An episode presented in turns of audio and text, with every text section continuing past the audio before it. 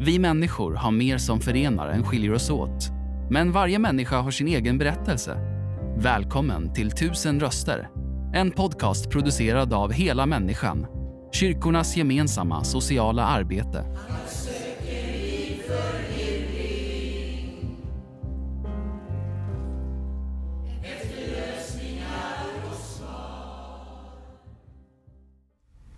Sitter jag här hos Hela Människan i Köping och jag träffar Mikaela som fyller 28 år här i november. Hon är uppvuxen i Köping men har bland annat bott i Stockholm i sju år när hon, där hon levde i ett drogmissbruk.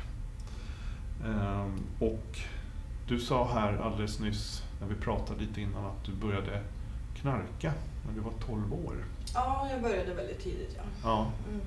Vill du berätta lite, hur var din uppväxtsituation?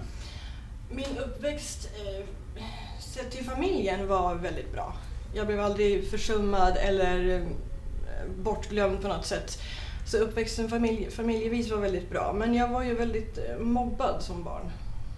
Eh, väldigt mobbad och utsatt och hade inte så mycket umgänge. Så det, ja, det gav mig väldigt mycket ångest såklart. Och då började du prova på olika saker då?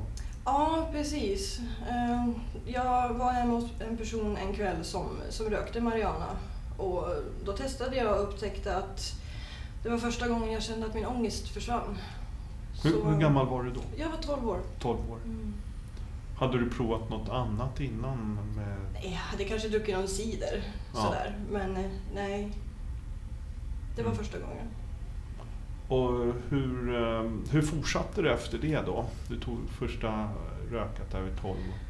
Ja, jag rökte väl då och då med jämna mellanrum och sen blev det mer och mer kontinuerligt. Ehm, det började komma in eh, bensodiazepiner i mitt liv, tabletter, starkare och starkare tabletter, opiater.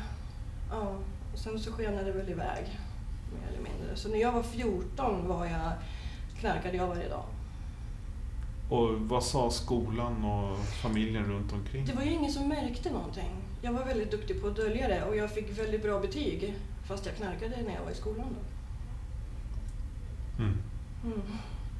Men sen vid 18 eh, så tog du första sprutan då? Ja, precis. Det var jag och mitt ex då. Jag upptäckte att han hade gjort det när vi var ifrån varandra och då blev jag förbannad på honom. Och så sa jag att om du kan göra så mot dig själv så kan du göra det på mig också. Och så blev det. Sen, sen var man ju fast där. Vad var det för någonting du injicerade då? Just då var det en, en väldigt potent eh, opiat, eller opioidtablett som man löser upp i vatten. Då, så. Men det dröjde inte länge innan, innan heroinet kom. Heroin, amfetamin och så höll det på i ja, närmare tio år. Mm. Mm. Då flyttade du från Köping här till Stockholm när du var 21 ungefär. Ja, precis. Fast det var inte så att jag flyttade till en lägenhet på så sätt utan jag, jag och mitt ex då, vi levde ju som hemlösa i Stockholm. För det var ju mycket lättare att få tag på heroin, framförallt heroinet i Stockholm. Var bodde ni då under den tiden? Ja, alltså vi sprang runt på gatorna, vi sov i, i källare, soprum. Eh, vart vi kunde ta oss in på natten och ibland blev det ju så att man gick runt både natt och dag. Mycket amfetamin så man fick energi till det. Och hur bekostade ni drogerna? Ja, vi stal mycket parfymer från Åhléns, eh, elektronik. Eh, så det sålde vi, eller bytte oss till droger då. Så via häleri kan man säga att vi försörjde oss. Mm. Mm. Hur mycket måste man dra in på en dag, typ, för, som ett par? För att hålla sig så kallat frisk, alltså att slippa vara avtänd, ungefär 200. Men om man ville känna någonting, eh, få, få ett rus, så ja, 500 kanske. Mm. Och så lite för mat och sånt. Och så. Precis, det blev ju, man, man blev ju väldigt smal. Jag blev väldigt smal för att när du väl fick pengar då låg du inte det på mat. Så den mat som jag åt, det var ju det man lyckades stjäla till sig. Eller som blev utdelat via kyrkor och så. Mm. Mm. Gick ni till Klara och sådana ställen där då? Ja, precis. Det, och sen, vi hade ju också, man fick hjälp runt omkring. För, alltså via sprutbytena där fick du ta prover för att kolla om man fått hepatit C och sådana saker. Sen fanns det ju alla möjliga eh, boenden som också eh, delade ut mat till även de som inte bodde där, som var hemlösa och så. Och kyrkan också var väldigt Mm. aktiva. Mm. Du sa X, har ni kontakt idag eller? Eh, ja, alltså, vi, vi pratar, det Mm. gör vi. Men han, han är ju fortfarande i Stockholm. Och eh, han försöker väl bli nykter nu, vad jag har förstått det som. Men jag, ja, jag lever mitt liv här i Köping Mm. och gör det bästa av det, av det jag har. Och du har varit fri från droger nu ett år. Ja, det stämmer. Grattis! Ja, tack. Hur känns det? Jo, men det känns fantastiskt bra. Jag, jag trodde aldrig att det var möjligt att jag kunde må så här bra. Det, det, ja. Fantastiskt. Ja, Och sen ungefär för fyra månader sedan så började du arbetsträna på den här second hand-butiken som Hela Människan driver här i Köping. ja precis. Hur, precis. berätta om första dagen när du kom dit. Första dagen, eh, oj, ja det var väl väldigt nervöst. Eh, jag kom ner till hela människan och jag, jag blev introducerad och fick hälsa på alla. Vi gick runt i butiken, visade vart allting skulle stå. Och sen började vi ganska direkt på en gång. Vagnarna kom in med saker som folk har skänkt och de prismärkte och jag började ställa ut. Och det var- Ja, det var Hur- kul. Hur kändes det? För det var ditt första jobb förstår jag. Ja, precis. Just nu är det en ar- arbetsträning men vi håller ju på att försöka ordna så att jag får en OSA-anställning vilket i så fall blir mitt första jobb. Ja. Men eh, ja, nej, men det är kul. Det känns fantastiskt att, att jag... Jag, trodde aldrig, jag, jag såg aldrig mig själv som, att, som en person som, som skulle kunna ha ett jobb och liksom ingå i, i systemet på så sätt. Så det, ja. Hur är känslan när du kommer ner varje dag eh, till den här arbetsträningen som det är nu då? Ja, men det, är- det är varmt, det är tryggt, det är roligt. Eh, social gemenskap. Det känns bara bra. Även, även liksom hårda och tuffa dagar så, så vi har ju varandra och vi ställer upp på varandra och det, det känns bra. Mm. Mm. Det finns sådana här tuffa dagar där man liksom, det kan vara svårare med nykterheten och, och sånt. Hur, Ja, absolut. hur, hur gör du då? Liksom? Mm. Alltså de dagar jag har drogsug så brukar jag bara försöka tänka att det kommer en ny dag imorgon. Och egentligen bara distrahera mig. Så jag gör det jag ska på jobbet, jag kommer hem. Mycket film brukar funka. Komma in i en annan värld en stund. Och sen bara vänta på att gå och lägga sig egentligen. Och vänta på nästa dag. Mm. Det har funkat hittills i alla fall. Fantastiskt. Ja. Ja.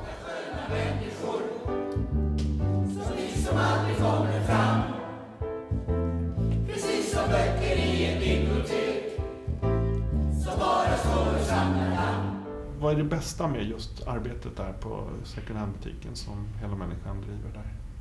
Ja, det bästa är väl att det ger mig ett, eh, ett självförtroende, en självkänsla. Att jag klarar av att jag klarar av att arbeta, att, att jag klarar av att, att ingå i en sån gemenskap. Och bara en sån sak att ha kollegor är för mig helt fantastiskt att ha. Mm. Att liksom ingå och inte vara utesluten. För det upplevde du när du var ung, just det där vara utesluten med Ja. mobbing och sånt? Ja, väldigt mycket. Jag, jag, jag kände aldrig att jag hade en plats och, eller passade in. Men det gör jag på hela människan. Men det fanns ingen runt omkring som du kunde prata med där på, när du var så ung där? Alltså jag pratade väl med mina föräldrar, min bror och syster. Det var väl, ja det var ju de jag umgicks med när jag var, när jag var liten. Jag hade ju liksom inga egna kompisar. Det kom inte förrän jag, jag blev väl mobbad tror jag, för att, dels för att jag var lite underlig men jag var väldigt tjock när jag var liten. Så jag gick ner 20, 20 kilo över en sommar och eh, sen började jag få kompisar. Mm. Mm. Vid mellan 12 och 13 års ålder. Vad skulle du vilja säga till en tjej som, som kanske befinner sig i samma situation som du idag, 12-13? Vad ska hon bara, göra? Bara fortsätt kämpa. Det, det kommer bättre tider och... Ja. Det kommer bättre tider och ingenting är ditt fel. Inget, det, det är ingenting du har gjort fel. Det... Ja. Jag vet faktiskt inte riktigt. Nej, men det är, det, det är svårt att bara svara på sådär. Men, jag tänk, Ja, och Ja. Mm. men du är klok. Det är inte, det är inte hennes fel eller hans fel, vem det nu är. Nej, verkligen inte. Och det är verkligen bara att fortsätta kämpa för att det kommer bättre tider. Om man, om man bara har tillit till det så, ja. Jag trodde som sagt aldrig att jag skulle kunna må så här bra. Någonsin. Så att, Mm. eh, ja. Finns det någon typ skolkurator eller någon sån som man skulle kunna prata med, tänker du också? Ja, nej men absolut, det finns ju. Skolkuratorer och man kan alltid, eller kuratorer, och sen eh, BUP. BUP ja, Ja, just det. Kontakta BUP. Ja. Det, ja, det är väl det. Socialtjänstens Ja, BUP. ja. Ja. det finns ju också. Ja. Nu eh, har ju du varit drogfri då som sagt ett år. Och, eh, vad, vad får du för hjälp från eh, Köpings samhälle här? Ja, eh, alltså jag blev ju nykter tack vare, jag fick ett LVM, vilket är då tvångsvård i sex månader. Mm. Eh, och på det LVMet så eh, hände det någonting inom mig och jag började göra upp en plan för hur jag skulle kunna hålla mig nykter. Eh, jag har ju kontakt med Beroendecentrum i Västerås. Jag får medicinering därifrån. Eh, jag har... Eh, ja, den här, min, min arbetsträning har jag ju fått eh, tack vare att Jobbcenter, och Socialen och Beroendecentrum har gått ihop och diskuterat ordnat den här platsen åt mig. Så det är väl det, är väl det de har gjort för mig. Ehm, vilket är ganska stora insatser. Just det här med att ha någonstans att gå berättar många om. Eh, är det någonting som du har tänkt på också? Ja, ja, nej, men det, det hjälper ju verkligen att ha någonting att göra. Att ha någonstans att vara där man känner att man, jag har en plats här. Mm. Det är jätteviktigt. Mm. Så det, det gör verkligen en stor skillnad. Än att bara gå runt hemma och släpa fötterna efter sig hela dagarna. Då är det svårare att hålla sig från det här dåliga då kanske. Ja, precis. För då, då går man ju runt i sina egna tankar och sina egna känslor och man blir liksom uppäten av dem på något sätt. Mm. Då orkar man inte stå ut. Men när man har någonstans så, så för mig blir det som ett, ett ställe att andas ut på. När jag kommer, när jag kommer till mitt arbete. Mm. Det känns att du mår väldigt bra. Ja, Eh, skulle du vilja beskriva en riktigt bra dag, hur den ser ut för dig just nu? alltså ja det kan jag göra. Jag kräver inte så mycket nu för tiden. En bra dag för mig är att jag har sovit åtta timmar ungefär en natt. Jag går upp, går till jobbet, ehm, ja, utför mina uppgifter där. Kommer hem, lagar god mat, sätta sig i soffan, kolla på en film, kanske ringa en kompis eller ringa mamma. Ja, och sen gå och lägga sig. Det, det duger bra för mig. Det är, en, det är en bra och skön dag. Mm. Verkligen. Vilket jag aldrig trodde att jag skulle nöja mig med för några år sedan. Mm. Vad tänker du om framtiden? Eh, lite, nu förhoppningsvis får du den här OSA-anställningen på second hand men Ja, man tänker, du har ju hela livet framför dig. Ja precis. 40, 40 år av arbete i alla fall. Eller Ja. något sånt. Eh, nej, jag tänker väl, eller min dröm är... ehm, jag kan ju allt om det här med att ha ett missbruk och vara fast i det och dåligt mående. Så jag skulle faktiskt vilja bli alkohol och drogterapeut. För att jag tror att jag kan ge mycket och jag tror att jag har en förståelse som kanske inte så många andra terapeuter har. Så det är ju min dröm och jag, jag har ju redan en, en, en byggutbildning på gymnasiet. Och sen har jag en halv undersköterskeutbildning för jag tänkte gå den vägen. För att till slut kunna bli eh, terapeut. Mm. Mm. Ingen, ingen dum väg verkligen och tror jag många skulle, eller det skulle funka väldigt bra. Mm. Tror jag. Ja, nej, men det tror jag också. Det, det, det är ju verkligen ett givande arbete och jag känner ju själv att jag, jag har så mycket att ge. Och jag vill ge och kan jag hjälpa någon så skulle det betyda väldigt mycket. Det här med, du lyckades ju på något vis dölja att du em, tog marijuana och sånt när du var så liten. Ja. Em, men eh, finns det någonting som du tänker kommunen eller samhället hade kunnat gjort för eh, att, du inte skulle hamnat i det här? Alltså, när de väl upptäckte det så blev det ju väldigt... Eh, då gjorde de väldigt mycket saker. Jag blev ju LVU-ad och jag tror att kommunen och så gjorde vad de kunde, även familjen, när de fick reda på det. Och dessförinnan, när de inte visste något, då kan man inte göra så mycket heller. När, när man är duktig på att ha sin mask på sig och inte visa någonting, varken mående eller någonting annat, då är det ju svårt att agera. Mm. det var svårt för dem att se egentligen då och göra någonting åt det. Ja. Men en sak jag kan säga det är väl att när jag satt på det här LVMet så gjorde jag en liten utredning och vi kom fram till då att jag är autistisk och har ADHD. Så den utredningen hade ju kunnat gjorts tidigare, vilket jag försökte få via BUP. Men eh, ja, när de väl fick reda på att jag använde droger så var jag tvungen att vara nykter en viss period för att kunna göra den här utredningen. För annars ger det fel utslag och vi kom aldrig till den punkten. Jag var aldrig nykter så pass länge. Mm. Men eh, jag var ju som sagt ett eh, lite konstigt barn. Eh, så det hade ju kunnat upptäckas tidigare. Verkligen. Men också förr i tiden så var det ju inte så vanligt med de här diagnoserna. Mm. I alla fall inte med au- autism och framförallt inte hos tjejer. Det, det är väldigt många kvinnor som blir eh, diagnostiserade sent i livet. Mm. Hur påverkar de här diagnoserna dig idag? Ja, jag har ju lite svårt med det här sociala samspelet. Jag blir nervös runt folk, eh, nya människor. Eh, men förutom det, jag har lärt mig att hantera en hel del. Så förutom det så, så stör det mig inte så mycket längre. Det var väl mer när jag var yngre och försökte komma in i grupper, försökte få vänner och det fungerade aldrig. För att jag Mm. ansågs vara konstig. Mm. Ja.